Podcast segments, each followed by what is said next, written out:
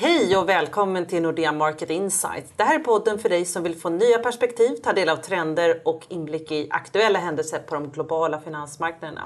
Jag heter Anna Erman och idag är jag med mig Martin som är topprankad aktiestrateg och som till vardags jobbar här på Nordea Markets. Hej Martin! Hur ser du på det ekonomiska läget just nu? Ja, vi står ju faktiskt inför en eh, traditionell ganska rörig höst här med massa olika faktorer som spelar in. Det är en blandning mellan strukturella faktorer, vad som händer i världskonjunkturen, att det lite långsamt går neråt, konjunkturella faktorer när vi ser att de här tillväxtmarknaderna, emerging markets, får lite tuffare. Vi ser också nedväxling i Kina och allt det här spelar roll precis samtidigt. Det är mycket momentum, mycket hedging och det är fram och tillbaks. Så det ser ut att bli en klassisk höst. Men jag skulle väl grovt förenklat vilja säga att det handlar om två faktorer som man nog ska koncentrera sig på. Det ena det är väl då osäkerheten då kring utsikterna för tillväxten i Kina och också följden av devalveringen som de har gjort. Att det har varit lite svagare i Kina, det har vi ju märkt under våren här. Vi har ju besökt eh, Kina flera gånger och pratat med olika företag och historier från marken säger ju det att det kanske inte är så starkt som vi har trott och det har vi fått bekräftat sen massa olika statistik. Nackdelen med det, det är ju det att Kina är världens näst största ekonomi. Och de själva säger att de växer ungefär med 7 då både första och andra kvartalet. Men det finns ganska mycket som talar för att det inte är så hög tillväxt. Och betydelsen av detta det är ju att de är världens största köpare av råvaror och alla de här råvarorna produceras då i andra länder och efterfrågan blir då svagare i de här länderna och de här ländernas ekonomi då försvagas och valutorna försvagas. Och det här drar ner allting i en ganska, man kan kalla nästan ond cirkel, en cirkel av osäkerhet. Där har vi befunnit oss en längre tid. Det här i sin tur påverkar alla bolag som är involverade i det här och det riktigt stora problemet det är ju det, vad jag lite elakt brukar säga, det att världen går omkring och tror att globala BNP ligger ungefär kring, 7, eller kring 3 Mm.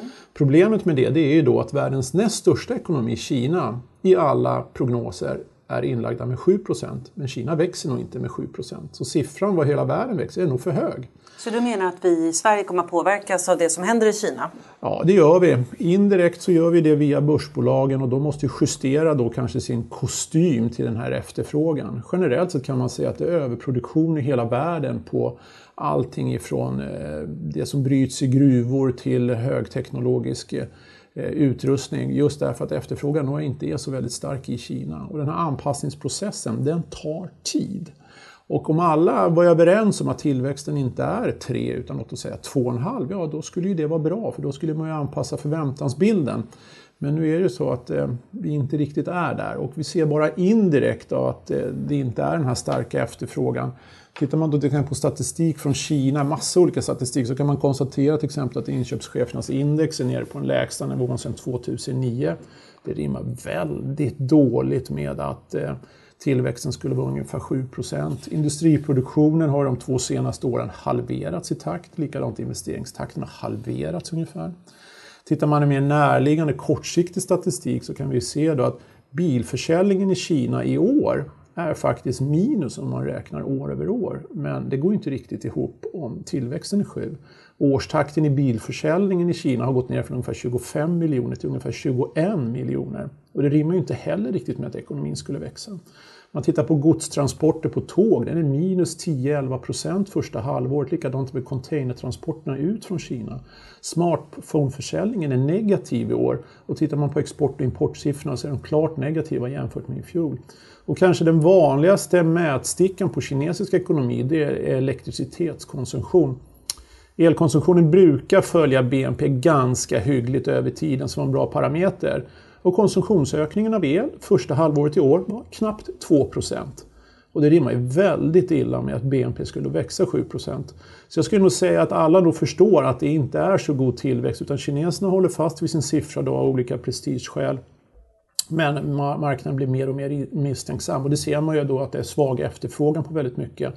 Och just den svaga efterfrågan gör ju att priserna går ner och att produktionskostymen är lite för stor. Och där står vi just nu, att hela marknaden inte riktigt vet hur stor är efterfrågan, hur stor är egentligen tillväxten i världen och är det så att vi producerar för mycket? Och svar på det är troligtvis ja, och då blir det prispress ner. Råvarorna faller väldigt starkt, de här emerging markets-valutorna faller väldigt starkt och efterfrågan på deras produkter generellt sett är svag. Samtidigt som många av de här länderna har ju stora problem de har ju då som sagt svag eh, ekonomi i grund och botten och de behöver alla intäkter. Sedan Lehmankrisen då så har de investerat kraftigt i massa olika saker och lånat väldigt mycket pengar, ofta i dollar. Om deras egen valuta då försvagas så hamnar de dubbelt illa. Och då hamnar vi osökt lite västerut. Hur eh, kan, vad kan tänkas hända den dagen när Fed höjer? Ja, när Fed höjer då gör man ju faktiskt bara pinan ännu värre. För det är inte nog med att kineserna då devalverade och gjorde då den här smärtan ännu värre för de här exporterande länderna. Om Fed dessutom höjer då så blir dollarn ännu starkare och råvaror då prissätts ju i, eh, i dollar och det gör att det blir ytterligare problematiskt för de får mindre intäkter. Och eh, då blir det nog kanske ett varv till med sån här smärta som vi nu ser och oron kring det, vad emerging markets egentligen står och deras bidrag till totala globala tillväxten kommer ifrågasättas ännu mer. Så jag tror vi har ännu mera bekymmer framför oss. Så du tror att den här oron kommer att hålla i sig nu, inte bara under hösten utan kanske ännu längre? Ja, åtminstone under hösten, så kan man nog säga. Marknaden är ju väldigt snabb på att prisa in nya scenarion och även det som så ligger framför oss ganska långt fram. Och förhoppningsvis så är det väl så att vi bara ska prata om det här kanske ett par månader och sen kanske marknaden börjar känna att vi har snackat klart om det här, att det är väl inprisat. Då blir det inte mycket värre, då kanske det stannar upp där. Men jag tror den närmaste tiden, låt oss säga en och två månader, så kommer det bli väldigt rörigt, väldigt osäkert. En klassisk höst.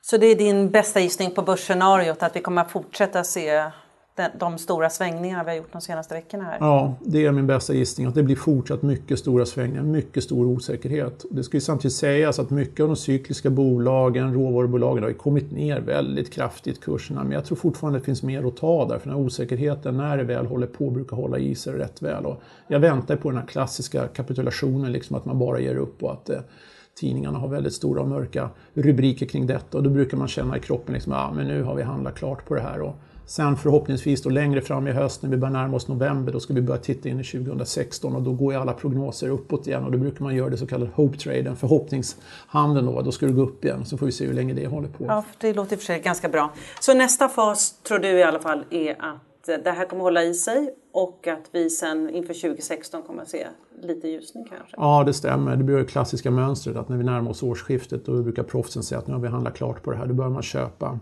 Och eh, sen ska vi nog börja åren på en lite mer positiv not i alla fall. Sen får vi se hur länge det håller i sig.